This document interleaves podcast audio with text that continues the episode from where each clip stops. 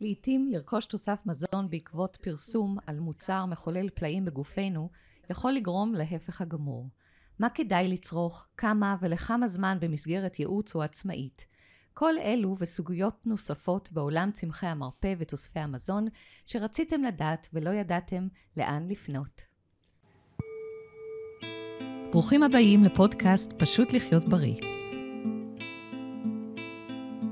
הסכת בנושא בריאות, גוף ונפש, בהנחיית גל דרורי ואיריס שפירא.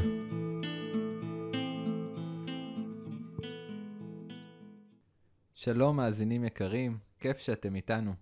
למקרה שאתם מאזינים חדשים בפודקאסט, אז ברוכים הבאים. אני גל דרורי, ואיתי איריס שפירא, והמטרה שלנו היא לעזור לכם לחיות חיים בריאים ומאושרים יותר. רגע לפני שמתחילים, אנחנו רוצים לשתף אתכם שאנחנו לקראת מספר סדנאות בריאות שיהיו בתקופה הקרובה. אז אם זה מעניין אתכם, אנחנו מזמינים אתכם לעמוד הפייסבוק שלנו, פשוט לחיות בריא, תוכלו למצוא שם פרטים ועדכונים על כל הסדנאות.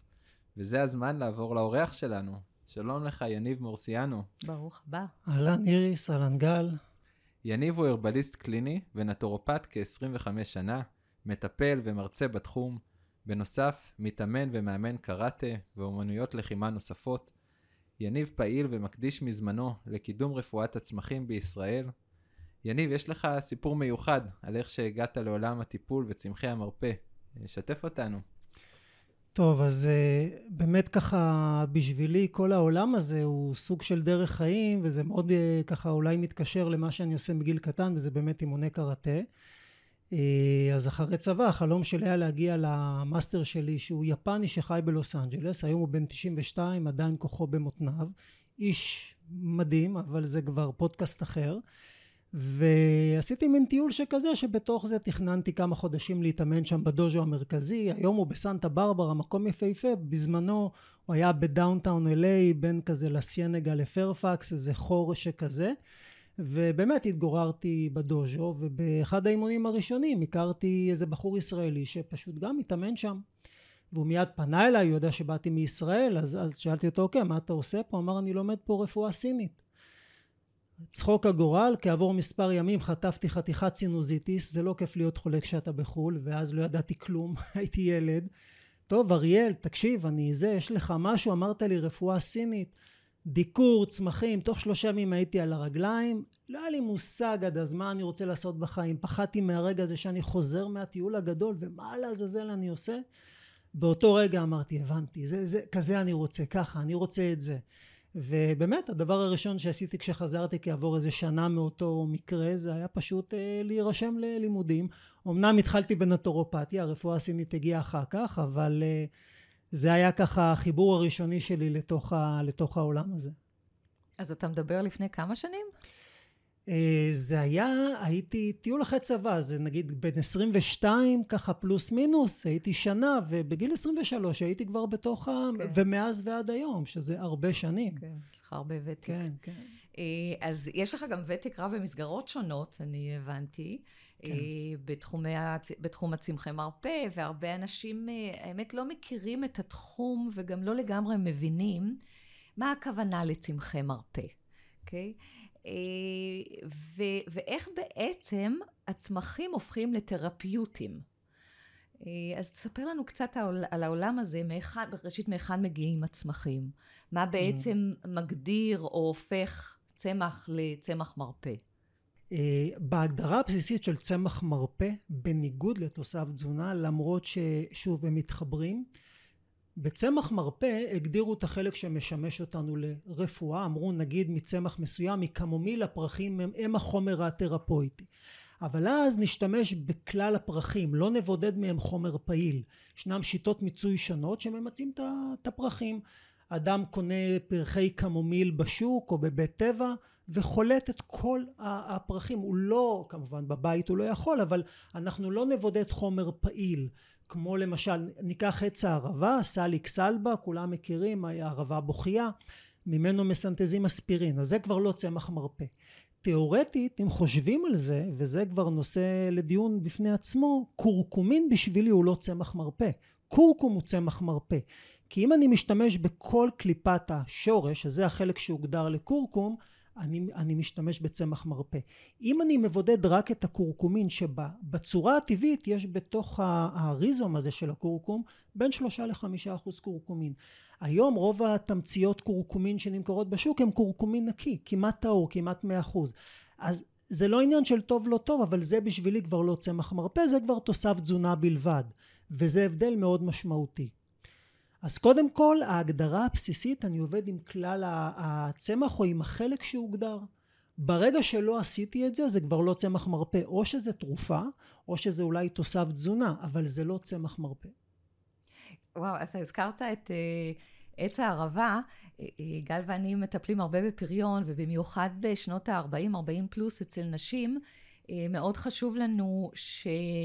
לתת אה, צמח, חלק מה, מהצמחים בפורמולה שיהיו גם מדללי דם. כן. Okay, עד כדי כך mm. שלפעמים אני אפילו ממליצה לקנות מיקרופירין. כן. אז אולי אני אמליץ להם אה, לחתוך אה, בגינה את העלים של עץ הערבה. מה כן, אתה אומר?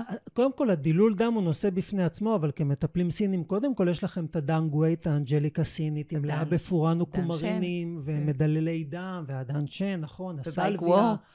לא חסרים. כן. גם כל הקונספט של דילול דם אצלנו, בעולם שלנו, כל כך שונה מהעולם הקונבנציונלי מבחינת ה... אנחנו יודעים לדלל דם בלי להזיק לגוף, בוא נגיד ככה. אבל כן, בוודאי, בשבילי צמחים יכולים לתת מענה. אם אתה רואה דם סמיך, קרישי דם, למה לא? אז אתה תקטוף איזה כמה עלים מצמח, זהו. מעץ הערבה, אתה אומר. לגבי הלקטוף אני בספק, אבל אני, אני כן, אני אמליץ למטופל בעניין הזה. כן. יניב, הרבה אנשים יש להם איזושהי שאיפה לקבל את כל מה שהם צריכים דרך האוכל, וגם לפעמים רוצים, יש את הפתגם המפורסם, שיהיו מזונותיך תרופותיך, אמ, ויש איזושהי שאיפה כזאת שרואים אותה, אותה גם בקליניקה אצל מטופלים, והרבה פעמים אני יכול, אם ניתן איזושהי דוגמה בסיסית, אני אמליץ למשל על, אה, נרצה שיהיה איזשהו תוסף ירוק, אז אני אמליץ על מורינגה, אה, ואנשים לפעמים חוששים, נמנעים, רוצים בכל זאת דרך התזונה, אז אני אומר להם, אוקיי, אז תאכל כל יום קערה ענקית של עלים ירוקים. ובפועל הם לא מצליחים לעשות את זה, מה שמוביל אותי לחשיבה שזו משימה כמעט בלתי אפשרית לקבל את כל מה שאנחנו צריכים דרך האוכל, ושכן אה, מאוד כדאי בעצם לכל אחד להיעזר בצמחי מרפא. אה, מה, מה, מה דעתך על זה? טוב, שוב, אתם שואלים פה שאלות נהדרות ואני נורא שמח ואתה ככה לקחת את זה, אני חושב, לנושא מעט אה, אחר. אני, אני, אני עובר המון תהפוכות בנושא התזונתי ובכלל הטיפולי מאז שאני בעצם עוסק בתחום. אני יכול לקחת בנקודת זמן הזו את האג'נדה שלי זה בצורה חד משמעית שקודם כל אנחנו אוכלים הרבה יותר מדי אני חושב שאנחנו יותר מדי עסוקים במה להכניס לגוף ופחות עסוקים בזה שהצינור הזה שמכניס לגוף יעבוד בצורה יעילה כי אני כבר רואה את זה בגילאים קטנים. אנחנו נורא רוצים שהילד יאכל כדי שהוא יגדל בגיל קטן לוקחים אותו לטיפת חלב ואומרים לו אתה לא שוקל מספיק. אומרים לאמא או הילד קטן הוא לא מתפתח טוב תדחפי לו הרבה מטרנות אה, תנו בכל מיני תחומים שאנשים מאבדים משקל תנו להם מהר הרבה סוכר. או ירדת במשקל אתה לא נראה טוב.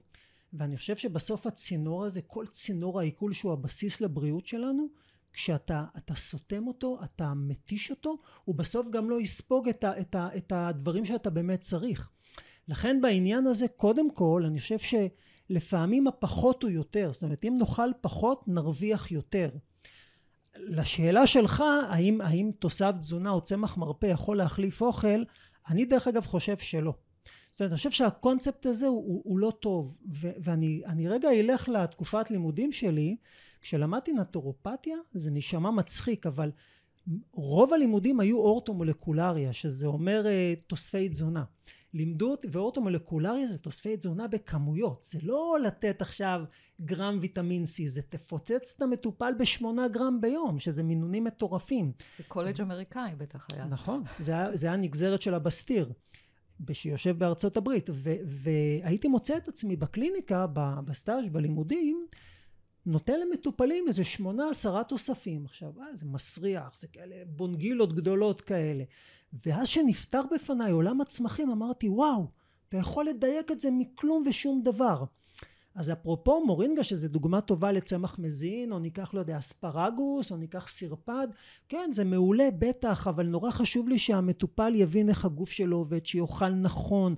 כאילו אם לא אז מה זה, זה בסוף הכלי התרפויטי יש אה, כל מיני צמחים כמו מורינגה למשל או אה, אחרים שנתנו להם איזה שם סקסי כזה super food אז זה מושך את האנשים, וואו, super food, אז אני אהיה סופרמן או superwoman אם אני אקח את זה, וזה, וזה בעיה. אה, מכאן אני רוצה גם לשאול אותך, אתה כמובן, אני משערת שאתה מייעץ לאנשים ללכת לייעוץ אצל איש אשת מקצוע כדי לקחת צמחי מרפא. זו שאלה אחת. השאלה השנייה שלי זה מה, איזה עיבוד הצמחים האלה עוברים על מנת להיות אה, יעילים? כן, אני אענה קודם על השאלה השנייה אולי. אז קודם כל, צמחי מרפא יש בהם משהו יותר עממי, זאת אומרת זה נורא קל לצאת, לקטוף, לקחת ו- וגם אפשר בקלות לעשות טעויות, אפילו עכשיו ראיתי איזה כתבה שבעלי חיים העלו מאיזה חתולים או כזה, מ- מ- לא זוכר את שם הצמח, זה צמח שלבני אדם הוא בטוח לחלוטין. כשאנחנו מייבאים או מביאים צמחי מרפא למדינת ישראל אני תמיד אומר צמחי מרפא לא גדלים על העצים זה נשמע מוזר. יש פה רגולציה שלמה ש... היא לעיתים מציקה אבל יש, יש היגיון מאחוריה. זאת אומרת צמח מרפא שנכתב בשדה היום הכל גידולים מסחריים אין צמחי בר מה אנחנו לא רוצים? אנחנו לא רוצים שיהיו בו חומרים מזיקים. הרי שבועת הרופא אני קודם כל רוצה לא להזיק למטופל שלי כשאני כותב צמח בשדה אני לא יודע אם יש עליו חומרי הדברה ריססו אותו מחלות של הצמח היום צמחים עוברים רגולציה מאוד מאוד מאוד מתקדמת כשהם עוברים את הרגולציה הנכונה.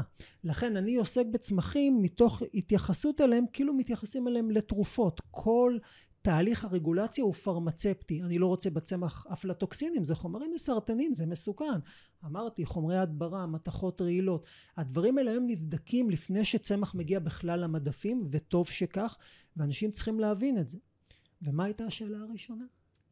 השאלה הראשונה זה ללכת אה. לאיש מקצוע, אשת מקצוע. כן. כי הרבה פעמים אנשים אה, פשוט לוקחים מהמדף, אה, ג'ינסנג זה מעולה, זה יחזק אותי. אה, יש לי איזה סיפור, אה, ככה אנקדוטה, כשהייתי בסין, אחרי שסיימתי את התואר השני בניו יורק, אז הייתי בסין כמה חודשים, ושם בבית חולים סיפרו לנו שתינוק נולד, והסבא רצה לחזק אותו, ונתן לו ג'ינסנג, והוא נפטר. אוי כן.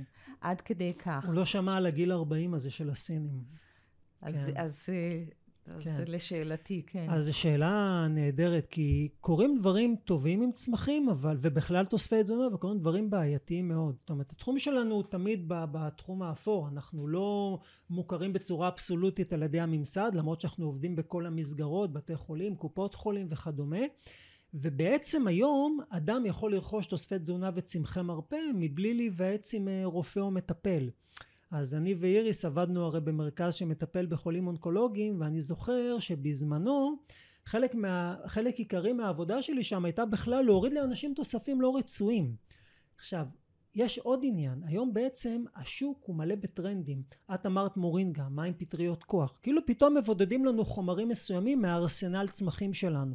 ואז כל אחד, אה, אתמול נפגשתי, לא משנה, בים עם איזה מי קולגה, חבר, לא מהתחום. אמר לי, בואנה, אני התחלתי לקחת קורדיספס, מה אתה אומר? כאילו, עכשיו זה גם, זה נכנס גם לאלמנט של רפואת שמות שאני מיד אתייחס.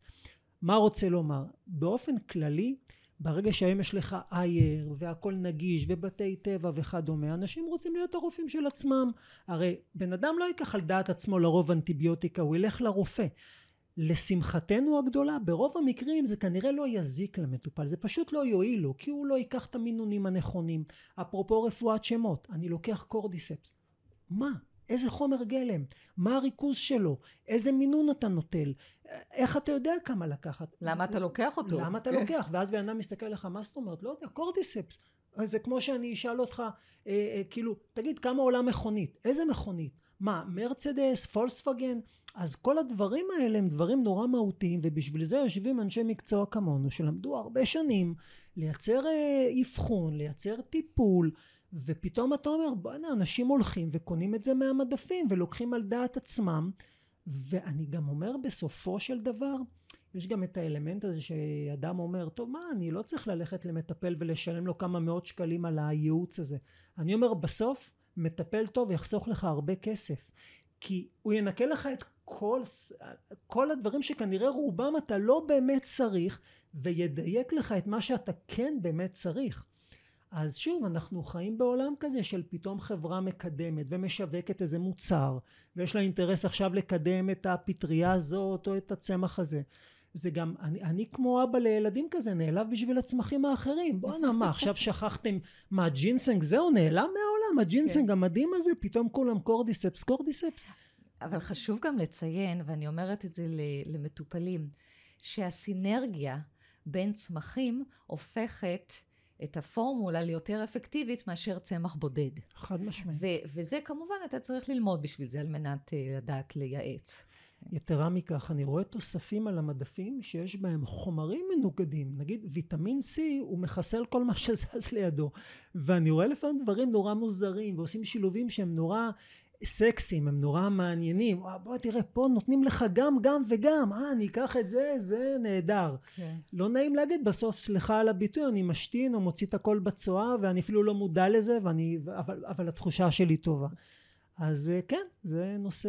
less is more. כן. בדיוק. בהקשר של, של תוספים, אז הזכרת אייר ויש עוד אתרים, אז זה משהו שכמובן נתקלים בו הרבה, שאנשים מזמינים ממקומות כאלה, אה, ויש דברים נגיד כמו... אומגה 3, אני גם יודע להגיד להם שזה פשוט לא נכון להזמין דבר כזה, זה יכול להיות מעבר לאיכות שהיא, בארץ יש מותגים שהאיכות יותר טובה, אה, זה גם מתחמצן וזה יכול לעבור בחימום במטוס, עדיף לא לקחת את זה.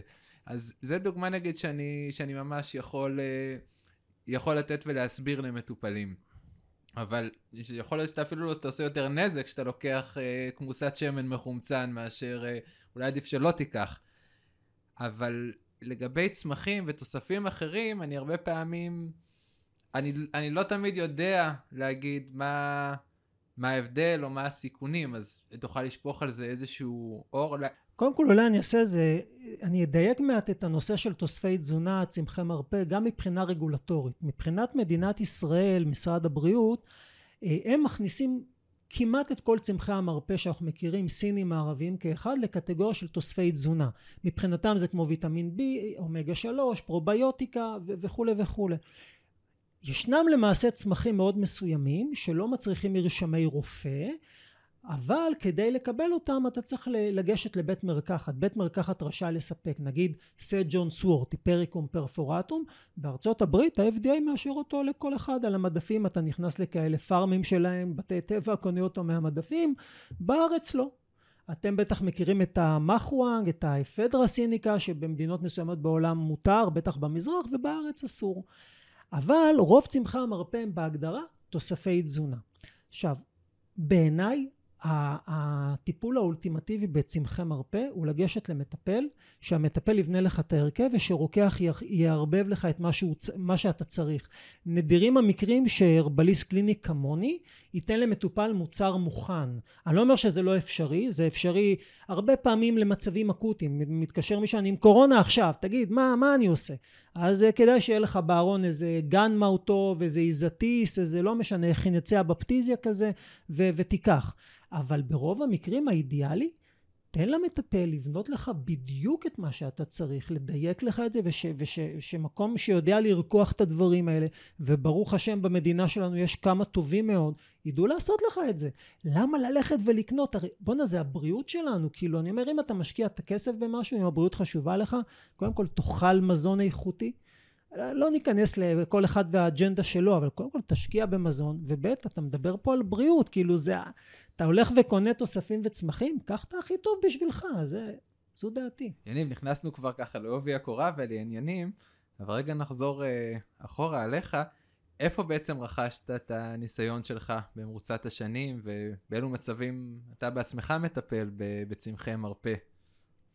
אז אה, קודם כל, כמו כל מטפל בתחום, אנחנו אולי בניגוד למקצועות אחרים, זה לא שסיימתי, אה, אולי, אולי זה לא דוגמה טובה, אולי גם עורכי דין לא מוצאים עבודה בקלות, אבל זה לא שאתה לומד רפואה, יוצא מיד לסטאז' ואז אתה יודע מיד איפה אתה עובד. אני אומר, אנחנו צריכים לצאת, לתלות שלט על הדלת ולקוות שיבואו לקוחות. לשמחתי הרבה, כבר מתחילת דרכי, אז גם השתלבתי במסגרות של קופות חולים, כללית וכדומה, ואז למשל עבדתי בקופת חולים כללית, הרופא הממיין היה משוכנע שאם אני נטורופט, אני מומחה לבעיות עיכול. אז אני זוכר איזה שנתיים שראיתי מלא מלא גסטרו.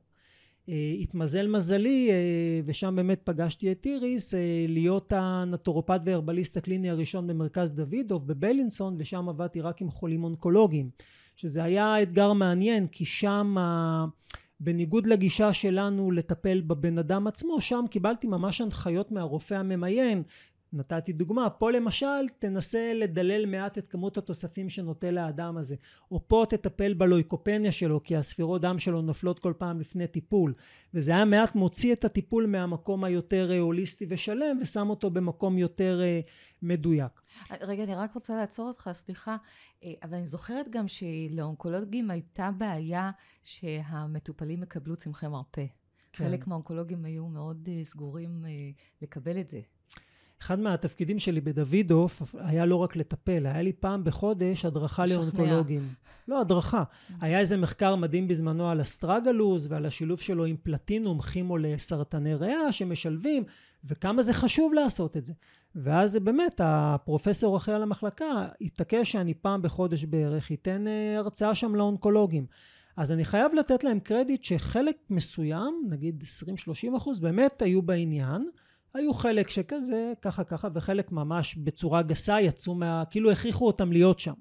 ואני זוכר שבתוך בית החולים היה מגיע מטופל מה, מהמחלקות הקונבנציונליות, אתה רוצה לתת לו צמחים, הוא אומר אבל האונקולוג אמר לי לא לקחת, זאת אומרת באותו, באותו מבנה.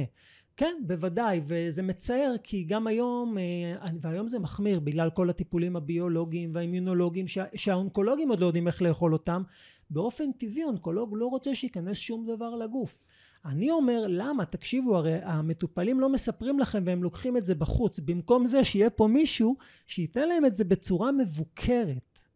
עכשיו המשך אה, לשאלה שלך ומדהים שאני זוכר כאילו את השאלה כי בדרך כלל אני שוכח אז uh, היום אני עם השנים חשבתי להיות נישתי אבל זה לא מתאים לי. זאת אומרת אני, אני יודע לטפל בבני אדם ומתקשרים אליי מטופלים כל הזמן שמענו רוצים לבוא? אתה טיפלת בפיברומיאלגיה מה אני אשם שרופאים המציאו שם לאיזה אוסף תסמינים שאין להם מושג מה לעשות איתו?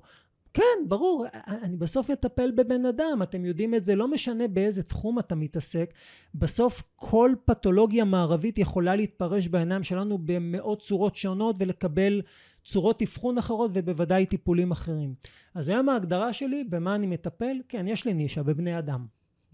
זה מה אני יודע לעשות. אתה מרצה גם הרבה שנים בתחום, וצמחים, נטורופתיה, וכתבת גם ספרים, ומעניין מה מושך אנשים ללמוד את העולם הזה. אז נכון, אני לימדתי המון שנים, ואני חושב שאני מחלק את זה לשניים. אני רואה את, ה... אני רואה את עצמי הרבה פעמים בתלמידים, חבר'ה שחוזרים מהטיולים אחרי צבא, חבר'ה צעירים שאין להם מושג מה הם יעשו. לפעמים זה מין כזה, בינתיים אני אלמד רפואה משלימה, נראה לאן זה, לאן זה יתגלגל. אבל אני גם רואה הרבה חבר'ה באמצע החיים שפשוט מקבלים החלטה והם אומרים אני, אני רוצה את זה.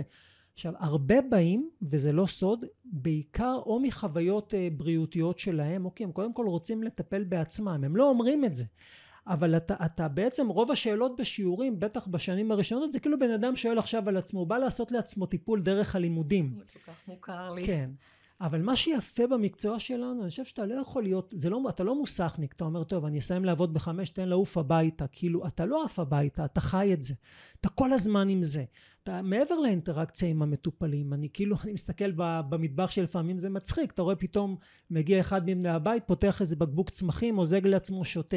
וואלה, כאילו, זה קטע, זה, זה, זה משהו מטורף. אתה, אתה, אתה חי את זה 24/7, מאותו יום שהתחלתי ללמוד, אני לא הבנתי לאן זה ייקח אותי. אבל זה כאילו מאז אני, אני משהו שם הוא ללא הפסקה והוא כנראה לא ייפסק לעולם אה, עד שהוא ייפסק מסיבות אחרות אבל הוא לא ייפסק עד אז כי, כי זה, זאת באמת דרך חיים לא כן. כאמירה סתמית זה ממש ככה זה לא יכול להיות אחרת וזה הולך ומתעצם מיום ליום. You walk your talk. exactly. Okay. כן. יניב, דיברנו מקודם על זה שבישראל יש משהו מיוחד מבחינת ה... הכמות אנשים ש... גם בכלל צורכים טיפולי רפואה משלימה, אבל גם ספציפית שצורכים תוספי תזונה ו- וצמחי מרפא. אה, מה, מה, איך זה נהיה ככה? מה מיוחד בארץ הזאת? Jewish people, מה זה? אנחנו העם הנבחר. אה, לא, אבל, אבל את האמת, אני אף פעם לא עשיתי מחקר מסודר בנידון, אבל אני כן עשיתי איזשהו... אני מאוד ערני למה שקורה. הייתי ב, לא מעט בארצות הברית, קנדה, למשל, אני זוכר אחד הביקורים שלי בקנדה, והייתי בשני הצדדים, המזרחי והמערבי. הייתי בטוח שאני הולך להיתקל במלא בתי ממכר לצמחים ובבתי טבע או בכל מיני כאלה פארמים לראות המון צמחי מרפא ווואלה ממש לא אפילו אנגליה שאני כסטודנט יצא לי להיות הרבה ב- בלונדון בגלל העבודה שעבדתי בזמנו כל פעם הייתי מסתובב שם מי שמכיר בנילזיארד וכל המקומות האלה של הצמחים אפילו באנגליה היום יש בית ספר אחד לנטורופתיה אולי אחד או שניים לרפואה סינית והמון מגבלות של משרד הבריאות על צמחי מרפא. במדינת ישראל קודם כל אפרופו דוידוב זה היה מדהים שבתוך בית חולים במחלקה לחולים אונקולוגיים בעולם המערבי נותנים למטפל לרשום צמחי מרפא. הלו זה לא מובן מאליו אנחנו לא הודו ולא סין אנחנו בעולם המערבי. בארצות הברית למשל אני זוכר שבזמנו נדמה לי דוקטור פרנקל חזר מ-MD אנדרסון הוא ניהל שם את המחלקה עשה לנו איזה הרצאה. שאלתי אותו תגיד מה קורה עם תוספים צמחים? אמר אסור בארצות הברית לרשום מותר דיקור מותר רפלקסולוגיה לא, לא צמחים.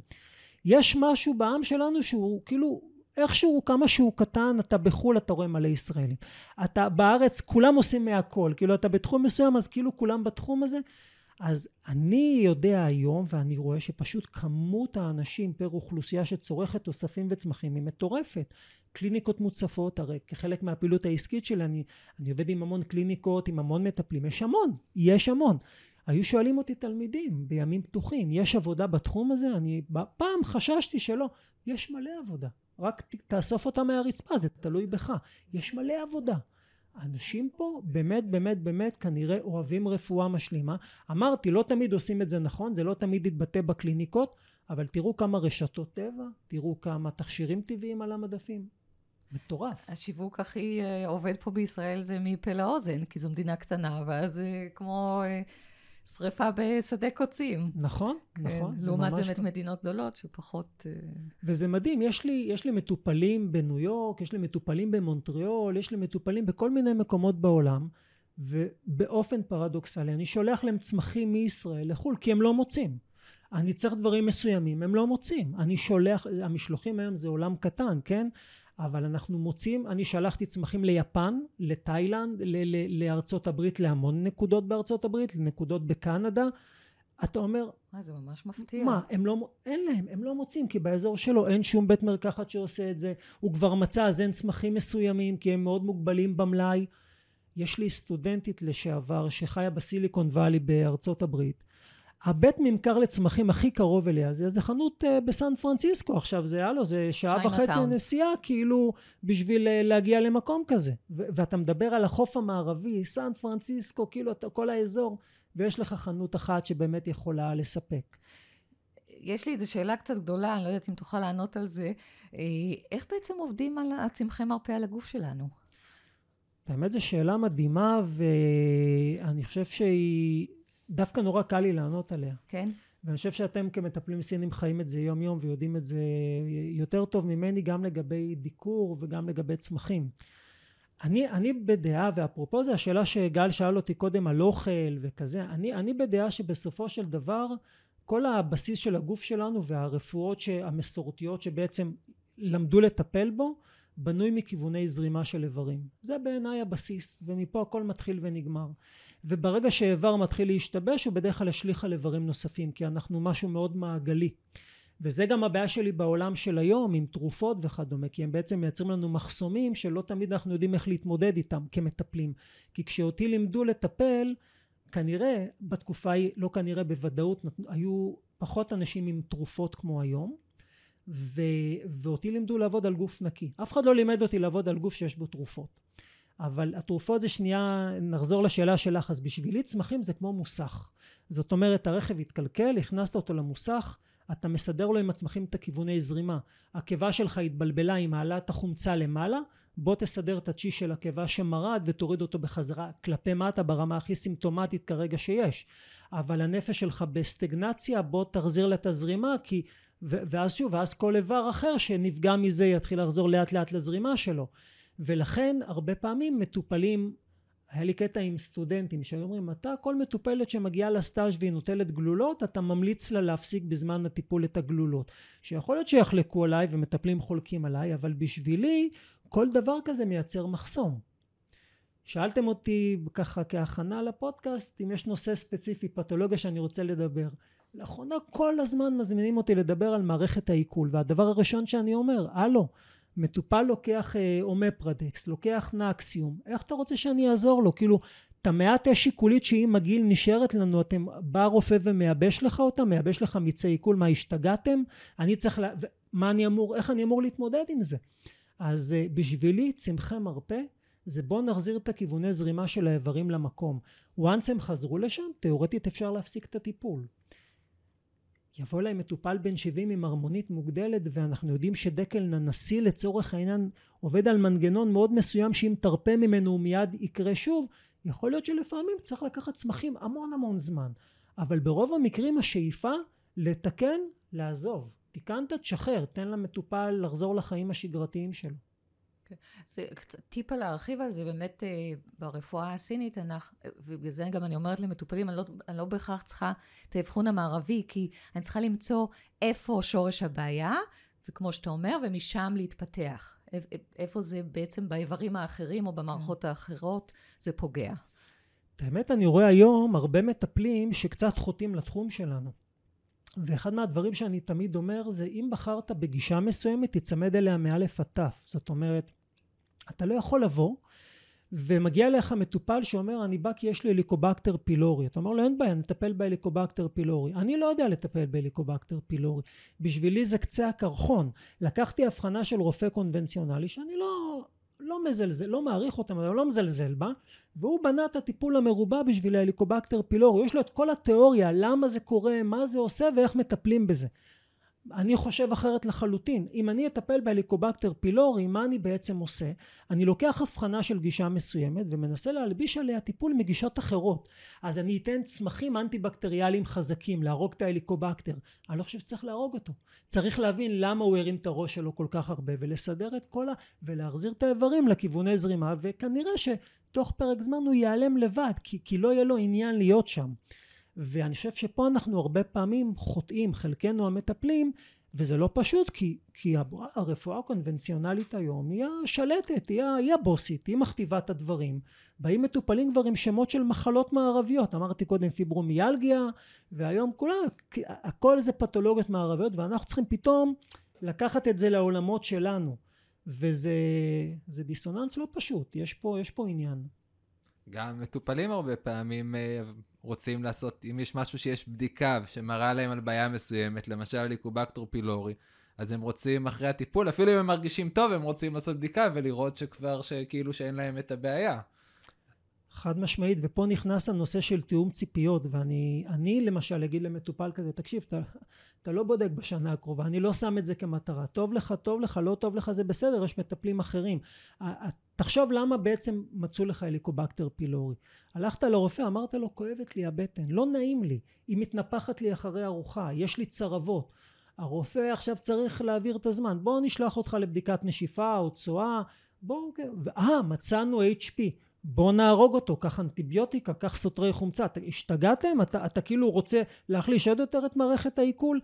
אז אני אומר למטופל, בעצם אם לא תכאב לך יותר הבטן, אם לא תתנפח יותר אחרי ארוחות, אם היציאות שלך יסתדרו, אם פתאום לא תעלה לך פה, אה, לא יעלה הריפלוקס הזה, אז מה זה משנה מה יש? אז מה אכפת לך אם יש לך או אין לך? הרי אנחנו יודעים שהרבה אנשים מגיל מסוים אם יבדקו, כן. ימצאו גם אם אין תסמינים. אז מה הקטע שלך? למה אתה צריך... אני חייב לומר עוד דבר, אני גם נתקל המון המון, שוב זה איזשהו טרנד חוזר היום של כל הבדיקות מעבדה, בוא נגלה מה יש לנו בגוף, בוא נדע למה אנחנו אלרגיים, למה אנחנו זה. עכשיו מטופלים משתגעים מזה, זה מוציא אנשים מדעתם, הם פתאום מתחילים להיכנס לפרנויות. לפעמים צריך קצת לשחרר, כאילו אני אומר למטופלים, תגיד, אתה רוצה לחיות או להתעסק כל הזמן במה קורה לך בפנים? אז אה, כן, זה, זה, זה, זה אישו העניין הזה. אתה יודע, זה לוקח אותי, הבדיקות מעבדה, אה, עכשיו יש כל מיני אה, מקומות שאתה יכול לבדוק את הצואה ובדיקות דם בשביל המקרוביום, ולהתאים למטופלים את התזונה שלהם כן. לפי הגנום של כן. המקרוביום. ומה אתה חושב על זה מבחינת התוספים של פרוביוטיקה? נתקלתי, נתקלתי המון, הרי היה בזמנו תזונה לפי סוג דם נגיד, שהיא גם כן. הייתה איזה טרנד, ועכשיו זה פתאום כל ה... אני, אני בא קצת מהבק אופי של התוספים, ועם פרוביוטיקה באופן אישי יש לי בעיה קשה, כאילו אני אומר, תן לגוף לייצר, תן לו את המזונות המתאימים שכולנו יודעים מה הם. קצת קשה לי לקבל את זה שאבקה לבנה שנכנסת בתוך קפסולה שמיוצרת במפעל לתוספי תזונה, הגוף יודע לפרק אותה ועכשיו זה נדבק לי לת... אני, אני לא קונה את זה. בנוסף, גם לכל אחד יש אה, פלורה שונה מבחינת המיקרוביום. אני לא קונה את זה. אם זה היה בא מעולם המדע, והיו מפתחים משהו בצורה מדעית, אני לא הייתי אוהב את זה, אבל הייתי אומר, כן, הם יודעים לגרום לזה להיספג, ואולי לעשות כמו, כמו, לא יודע, כמו עירוי דם, לצורך העניין. כשזה תוסף תזונה וכל חברה פתאום, אני, אני מכיר את הסטנדרט של מפעלי ייצור לתוספי תזונה שהם, יש מפעלים נהדרים, אני לא אומר חלילה משהו רע עליהם, אני רק אומר, הסטנדרט שנקבע על ידי משרד הבריאות לגבי תוסף תזונה הוא נורא פשוט, תוסף תזונה לא עובד, לכן מותר לכם להוציא תוספי תזונה, לכן אסור לייחס להם התוויות רפואיות. זאת אומרת, הוא אומר לנו, כל החומרים שלכם, זה לא עובד. כאילו, מבחינתו, אם תוכיח לי שזה עובד, אני אקח אותו, הוא יהיה פתאום, הנה, תרופה. היפריקום עובד, רמוטיב, תרופה פסיכיאטרית. לכן, לי יש קצת בעיה בעניין הזה, אני מודה, אני מעדיף שבן אדם יאכל טוב, ירגיש טוב, ואז בשבילי הגוף שלו בסדר. אני לא מזלזל בבדיקות דם כלליות גם, זה בסדר לראות את זה. אבל כשאני רואה אנשים חולים, יש לי מקרה, וואו, עכשיו קפץ לי לראש איזה מטופל שלי, של איזה 15 שנה, שהגיע לאחרי אירוע לבבי. הוא עבר אירוע לבבי. ועבר צנתורים ועניינים ובא להם תרופות, אבל בעצם בבסיס מה שיושב אצלו הכי חזק זה החרדה, לאורך כל הדרך. ואני כל הזמן ניסיתי להסביר לו את זה ולעבוד רק על זה, אבל הוא כל הזמן התעקש לרוץ לעוד מטפלים ולבדיקות דם מורכבות והוציא טונות של כספים. וכל הזמן בא אליי עם הגדרות, תוריד לי את הכולסטרול מתחת. אני הייתי אומר לו, תקשיב, אני לא יודע לעשות את זה, לגוף יש את הכללים שלו. זה סטטינים יודעים לעשות, אני לא יודע. אבל זה לא הסיפור. אחרי 15 שנים, לצערו הרב, מצבו מאוד החמיר והוא נאלץ לעבור הליך מורכב בלב כי נמצאו המון חסימות. ואז הוא אמר לי משפט, אני מאוכזב מהרפואה המשלימה. זאת אומרת, החוויה שלו, הוא קבע את הכללים, והחוויה שלו הייתה שהנה כל מה שהשקעתי, ועשיתי את כל הבדיקות, ובסוף הגעתי לחסימת עורקים מתקדמת. ולכן אני אומר, אני חושב שהדברים האלה מאוד מבלבלים ומתחברים למקום של אם אתה מטפל ברפואה מסוימת, תתמקד בעקרונות שלה. ומנסים לטעמי ממקום של חברות מסחריות לחבר לנו כל מיני בדיקות מעבדה, כי מה עושה מטופל אחרי שהוא מקבל את האבחון הזה? מה, מה אומר לו הגוף הזה שנתן לו את האבחון? עכשיו בוא תיקח את כל התוספים האלה. זה מה שאני מכיר בקליניקה, אני, ככה אני נתקל, זה מה שאני נתקל ממטופלים. וכל התוספים האלה עולים בדרך כלל איזה 7,000 שקל או משהו כזה, ועכשיו הנה, זה מה שירפא אותך. אני, אני לא קונה את זה. כאילו בשבילי הרפואה יותר פשוטה. תאכל בריא, תתמוך בסטרס, תיקח את החומרים הכי מתאימים לך שיחזירו את האיברים לכיוון זרימה, תבין שגם יש מגבלות לגוף, הגוף הוא לא מושלם, כן. ומפה מה, ש, מה שיש יש, כאילו... וגם אני אומרת, גם צמחי מרפא וגם אפילו תוספי מזון, לא לכל החיים, כאילו פר צורך. חד משמעית, כן. מסכים לחלוטין. הנה, איזה, איזה צמחי מרפא אתה משלב כחלק מהאורח חיים שלך, או בתוך התזונה שלך, כמשהו שהוא...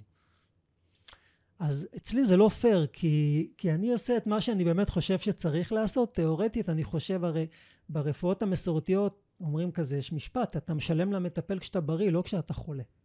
עכשיו, בשביל לשלם למטפל כשאתה בריא, אתה צריך לבוא למטפל לפחות פעם בשבוע, שבועיים, לשמוע דופק, לראות לשון, לשמוע את הסיפור. פתאום אתה בלחץ, פתאום יש לך עבודה חדשה, פתאום, פתאום את בהיריון, אני לא יודע מה. אז תיאורטית, אני נותן למטופלים טיפול ורואה אותם אחת למספר שבועות, אבל אני חי את עצמי יום יום לצערי, אני צריך לסבול את עצמי דקה דקה. אז אני הרבה פעמים מגיב בהתאם לתחושות שלי עונות שנה, כמו שאני משנה תזונה בהתאם לתחושות שלי, ככה גם צמחים. עכשיו אני לא לוקח כל יום צמחים, אני יכול לפעמים לקחת דברים אקוטיים, כי פתאום מרגיש לי משהו, ולפעמים פתאום אני, בא לי עכשיו איזה שבועיים שלושה להניע קצת יותר את הכבד ולתת לו בוסט, כי אני עושה איזה תזונה מסוימת, או עכשיו אני צריך קצת יותר אנרגיה. אז אצלי זה לא פייר, כי אני, אני מתייחס לעצמי אחרת, אבל כשאני מרגיש שהגוף שלי יצא מאיזון על אמת, אני הולך למטפל, אני הולך לקולגות, אני לא מתערב להם בחיים בצמחים שהם ייתנו לי, מה שהם נותנים לי אני לוקח, גם אם זה נראה לי למה הוא נתן לי את זה, אני הייתי, אני לא מתווכח איתם, אני לוקח את מה שצריך. אז אני מפריד בין כשאני נגיד צריך טיפול, אני זוכר שלפני איזה 12-13 שנה הייתי כזה עם מחלת נשיקה טובה כזאת, כאילו, אני אקרא לזה מחלת נשיקה, זה בעיניי היה יותר מורכב. הלכתי לקולגה, בנה לי טיפול, לקחתי אותו כמו ילד טוב, תזונה, צמחים, לא התערבתי, לא הכנסתי את השיקולים שלי כי אתה לא יכול לטפל לא בעצמך ולא בבני המשפחה. אבל אני צרכן צמחים, אני כזה, הארון שלי מדי פעם אני אקבל מאשתי את ההערה הזאת, אה, תשמע, אה, אה, פה יש יותר מדי, תזיז קצת לביפנוכו שלא נראה, הגזמת, אז כזה. אז אין לי, אין לי משהו קבוע, אין לי משהו קבוע. איך אתה רואה את עולם הצמחי מרפא מבחינה עתידית? קודם כל מבחינה עכשווית אני חושב שאנחנו במקום לא רע בכלל. זאת אומרת כשאני זוכר אה, דיברתי ככה עם גל קודם בחוץ ודיברנו על היסטורית שאני ומי שהיה המורה שלי איש מאוד יקר אה, גל אה, בעצם שיש לו, לו הרבה זכויות באיך שהתחום נראה היום בעצם יצרנו פעם ראשונה בזמנו מסלול תלת שנתי והתחלנו והגדרנו את המקצוע הרבליסט קליני ישבתי, ישבנו עם כמה דמויות בכירות באיגוד ההרבליסטים קבענו סטנדרטים שעד היום מתקיימים ובעצם היום מטפלים סינים ונטורופטים לומדים לפחות שנתיים או שלוש שנים רפואת צמחים אמיתית אז קודם כל מבחינת הרמה, הרמה פי כמה וכמה יותר גבוהה ממה שאני למדתי בזמנו. בזמנו מה שלימדו אותי היה מצחיק, אני זוכר שה... החוויה הראשונה מהמורה לצמחים הראשונה שהייתה לי זה היה איך עושים סירופ של דבש ובצל כאילו כזה אמרתי מה זה הדבר? ואז פתאום הגיע המורה הזה שדיברתי עליו שהיה המורה הראשון שלי פתאום הייתי ככה עם עיניי אמרתי וואו זה זה אני רוצה כזה ככה אני רוצה להיות אני רוצה צמחים בדיוק פתאום הבנתי פתאום נפל לי האסימון. אז מבחינה אה, אה, זה לא בדיוק אקדמית אבל מבחינה לימודית אנחנו במקום נפלא רמה מאוד גבוהה מבחינת חומרי גלם אני שומע הרבה תלונות ממטפלים משרד הבריאות לא מרשה לא אנחנו במקום טוב מותר היום לעבוד עם המון צמחים הם נגישים האיכות היא מאוד טובה יש היום כמה גופים מאוד רציניים שנותנים את כל החבילה. אז מהמקום הזה נהדר. מה מדאיג אותי? מדאיג אותי המדע שבעצם כל הזמן אה, משתנה יוצאות תרופות חדשות כל הנושא של הדוויות נגד מבלבל אנשים ומפחיד אותם כי, כי כל הזמן יש תרופה חדשה שעוד לא מבינים אותה ועכשיו איך אתה מחבר אותה עם צמחים? ורק אתמול נתתי אה, ייעוץ למטפל מאוד בכיר לאיזה מטופל מורכב שמלכתחילה שנינו היינו תמימי דעים שזה tricky ואחרי שתי ניסיונות כושלים של אתה לא יודע אפילו אם זה ריאקציה או תופעת לוואי כי זה שונה אמרנו טוב עם כל התרופות שהוא לוקח עדיף שלא עדיף בלי צמחים. אי אפשר עם כל התרופות האלה לא עובד. Mm. אז, אז מה שמטריד אותי זה לא הצמחים מטריד אותי שתיים אחד זה שעושים שימוש ציני מבחינה שיווקית גופים מסחריים בתחום שלנו זה פעם אחת ופעם שנייה שהעולם הרפואי שהוא שולט היום עם הזמן יגיד הם מפריעים נורא כל הצמחי מרפא והזה זה מסכן אנשים עם התרופות האלה אנחנו לא יודעים והתרופות הם הדבר החשוב זה המקום שמטריד אותי אבל לא עושים מחקרים בארץ עם צמחי מרפא? עושים. תראי, או שלא מספיק. לממן מחקר זה סיפור, להיכנס, אפרופו דוידוב, תמיד שם ראש מחלקה ישב עלינו, תעשו מחקרים. מחקר זה שנים, זה השקעה כספית. יש לי חבר אה, שנכנס למחקר קליני על, צמח, על איזשהו הרכב צמחי, השקיע עשר שנים מחייו, גייס משקיעים, ועד היום כמעט לא רואים מזה כסף. זאת אומרת, זה, צריך אינטרס. ואין אינטרס לעשות מחקר על משהו שאין עליו פטנטים וכדומה, זה לא כמו תרופות. ולכן זה מה שמאוד מטריד אותי. מטריד אותי שהעולם הולך יותר ויותר, תמיד יש את המאבק הזה בין העולם הקונבנציונלי לעולם שלנו. וזה מקום שיכול יום אחד להנחית עלינו מכת, אה, מכה אנושה. אז אם משהו מטריד אותי לגבי העתיד, אני לא מוטרד יותר מדי לגבי העתיד, אבל אם משהו מטריד אותי בתוך הכאוס שאנחנו חיים בו, ספציפית על צמחים אלה שני הדברים האלה אחד השימוש הציני של חברות מסחריות לדחוף פתאום דברים לגרום לאנשים לקנות צמחי מרפא מבלי לעבור את הדבר הזה שלנו ושתיים שהקונבנציה אה, ת, תנסה כל הזמן לדחוק אותנו הצידה ו, ואולי למחוק אותנו. זה, אלה, אלה אני רוצה רגע להתייחס למה שאמרת מבחינת תרופות וצמחי מרפא. בקליניקה אה, כשמטופלים אה, לוקחים איזה תרופה אחת אני לא מדברת על ליין שלם של תרופות אז אני תמיד אומרת קחו איזה שעתיים שלוש הבדל בין כן. נטילת התרופה לשתיית הצמחי מרפא. כן. זה נכון כאילו מבחינתך? זה, כן, זה, זה תופס? כן, אבל זה, זה תופס חלקית מאוד, זה תופס לאותו יום. הבעיה שלי היא לא זאת. הבעיה שלי, נדבר בשפה סינית. מגיע לך מטופלת שההבחנה המובהקת תהיה לצורך העניין תקיעות שיק כבד ברורה או עם אדון דם גס. תן לזה הסבר אה, יפה. יש לה, הרחב. יש לה, כן, יש לה כאבי ראש חזקים, יש לה, אה, מה עוד אני יכול לחשוב עליו? זה תקיעות על... של הזרימה, של האנרגיה נכון, והדם. נכון. כן. והיא נוטלת גלולות למניעת הריון, ואנחנו יודעים אפילו ברמת התופעות לוואי שכתובות על גלולות כאבי ראש, והיא באה עם תלונה של כאבי ראש. עכשיו, תאורטית, אוקיי, את לוקחת את הגלולה בשעה כזאת ואת הצמחים תקחי בשעה כזאת. עדיין כל הזמן יהיה, יהיו הורמונים שמתפרקים בכבד מעבר להורמונים האנדוגנים הטבעיים שהגוף שלנו יודע לייצר. קח דוגמה אחרת, בא אליי מטופל שלוקח איזשהו סטטין, ליפיטור, סימבסטטין, לא משנה, הוא מדכא יצור כולסטרול בכבד. עכשיו אני רק שומע את המילה מדכא וכבד. אני אומר בואנה הכבד בשבילי זה הדבר הכי משמעותי בגוף לגבי כל דבר. עכשיו אני אתן לו, והוא יבוא אליי עם תלונות שיכול להיות מעבר לעייפות, כאבי שרירים, כאבי ראש, קשה לו להתנהל, מתכווצים לו השרירים בלילה.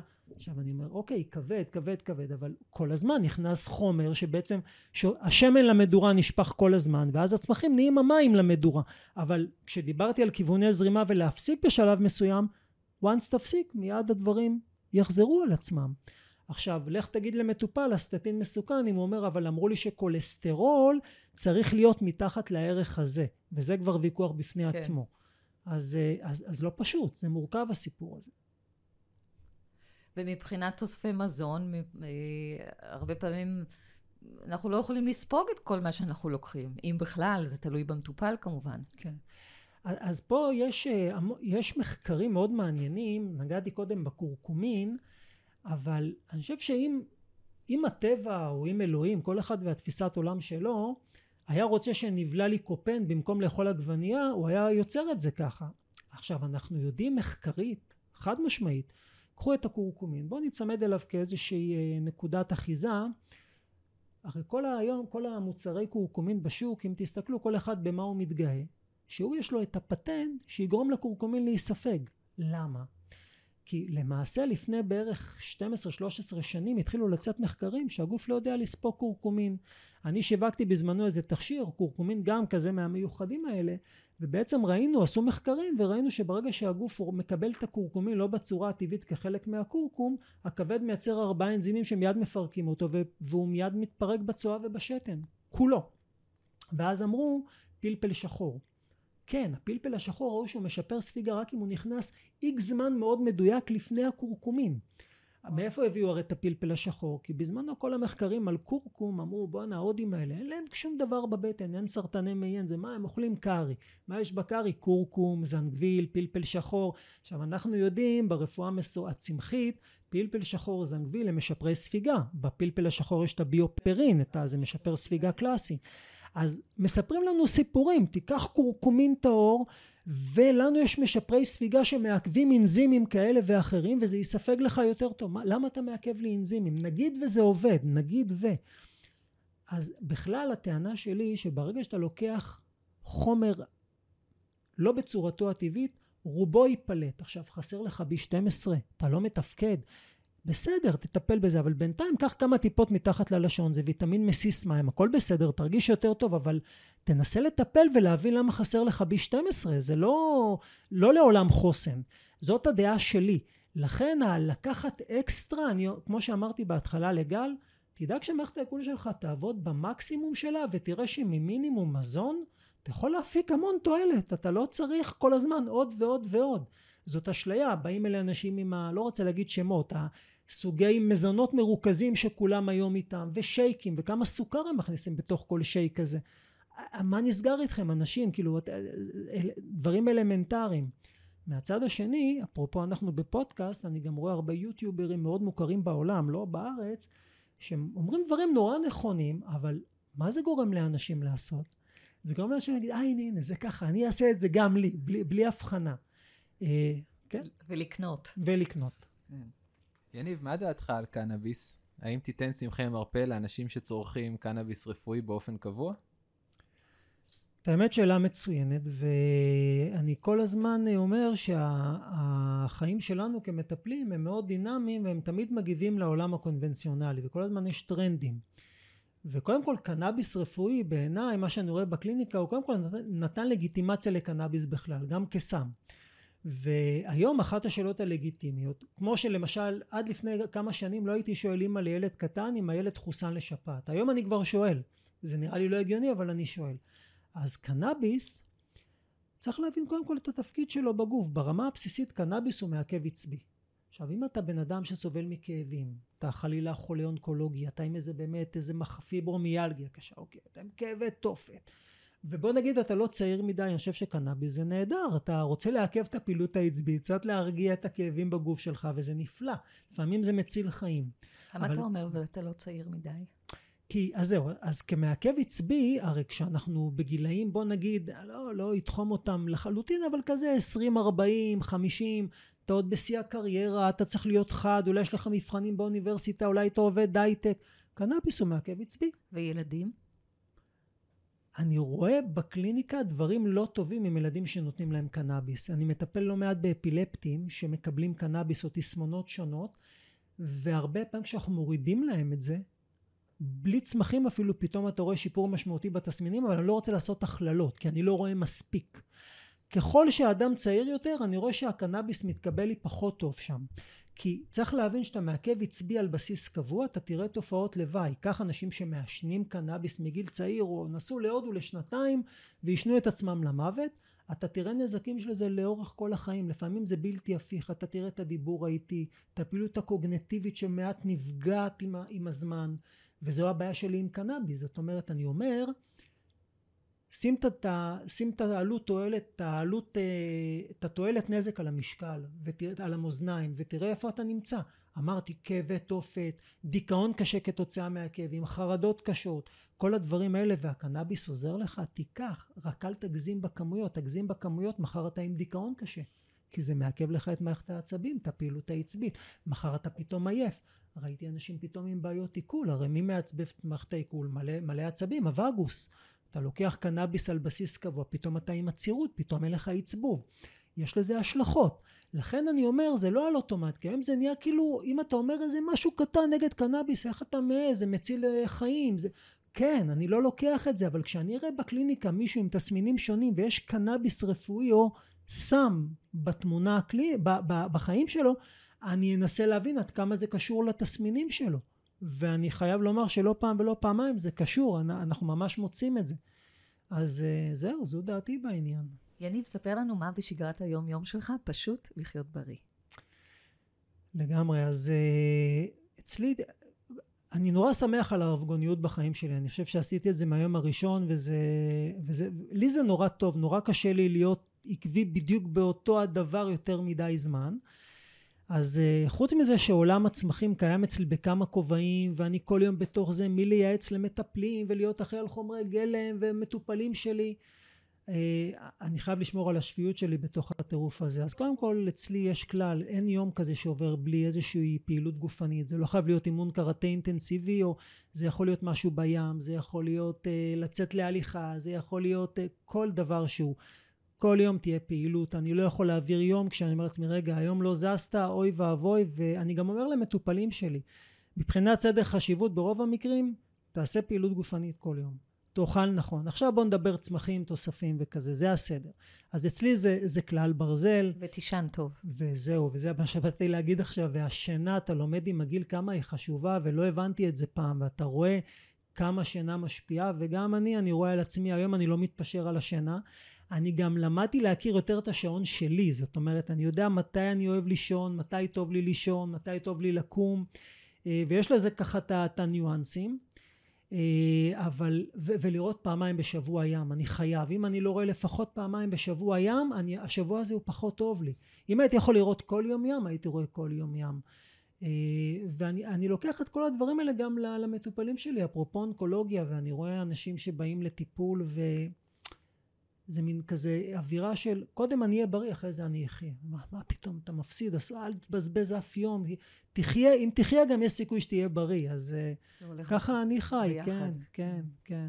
יניב ספר לנו על רגע של אושר שהיה לך השבוע או בתקופה האחרונה רגע של אושר שהיה לי השבוע, היה לי אתמול, אה, בבוקר גלשתי בים, ואחרי זה הייתי מאושר, כאילו, זה, זה הכי, הכי בסיסי בעולם. נכנסתי למים, גלשתי, יצאתי והתחלתי את היום, וכאילו, מה, מה יותר כיף מזה? זה כאילו... אז בשבילי אמרתי, תמיד ים זה אושר, ילדים זה אושר, הרבה דברים. אני, אני, אני אני חושב ש, ש, שכבן אדם אני תמיד מחפש את המקום הזה האופטימי ואת המקום, אבל עשייה, אני, אני חושב שעשייה היא חשובה בחיים שלנו, אסור להרפות מזה, אסור, אסור לשחרר, הקורונה מה זה לימדה אותי, תמיד היה לי בראש, אני כבר מחכה כזה לפנסיה, אני אצא לפנסיה מוקדמת בקורונה, אמרתי אוי ואבוי, כאילו, ביום שאני אהיה בפנסיה אני מתקרב מהר יותר, אסור, אסור, הקורונה כל כך לימדה אותי את הדבר הזה. אה, זהו, אז אושר, תן לי ים, אני מאושר. אנחנו גם בתחום שאני חושבת, אני באופן אישי, אני לא חושבת שאני מעולם אפסיק לעבוד. כי זה כל כך ממלא ומעניין. יש גם משהו יפה בבגרות. אני זוכר שהייתי מטפל צעיר, עבדתי מההתחלה עם תינוקות וילדים. ואני זוכר בהתחלה, לא היו לו עוד ילדים משלי. ואני זוכר פעם הבעה של הורים שנכנסו עם תינוק וראו ילד מול העיניים ואז אמרתי לעצמי יואו יהיה לי יותר קל עוד עשר שנים אני, אני רוצה כבר להתבגר יותר מהר.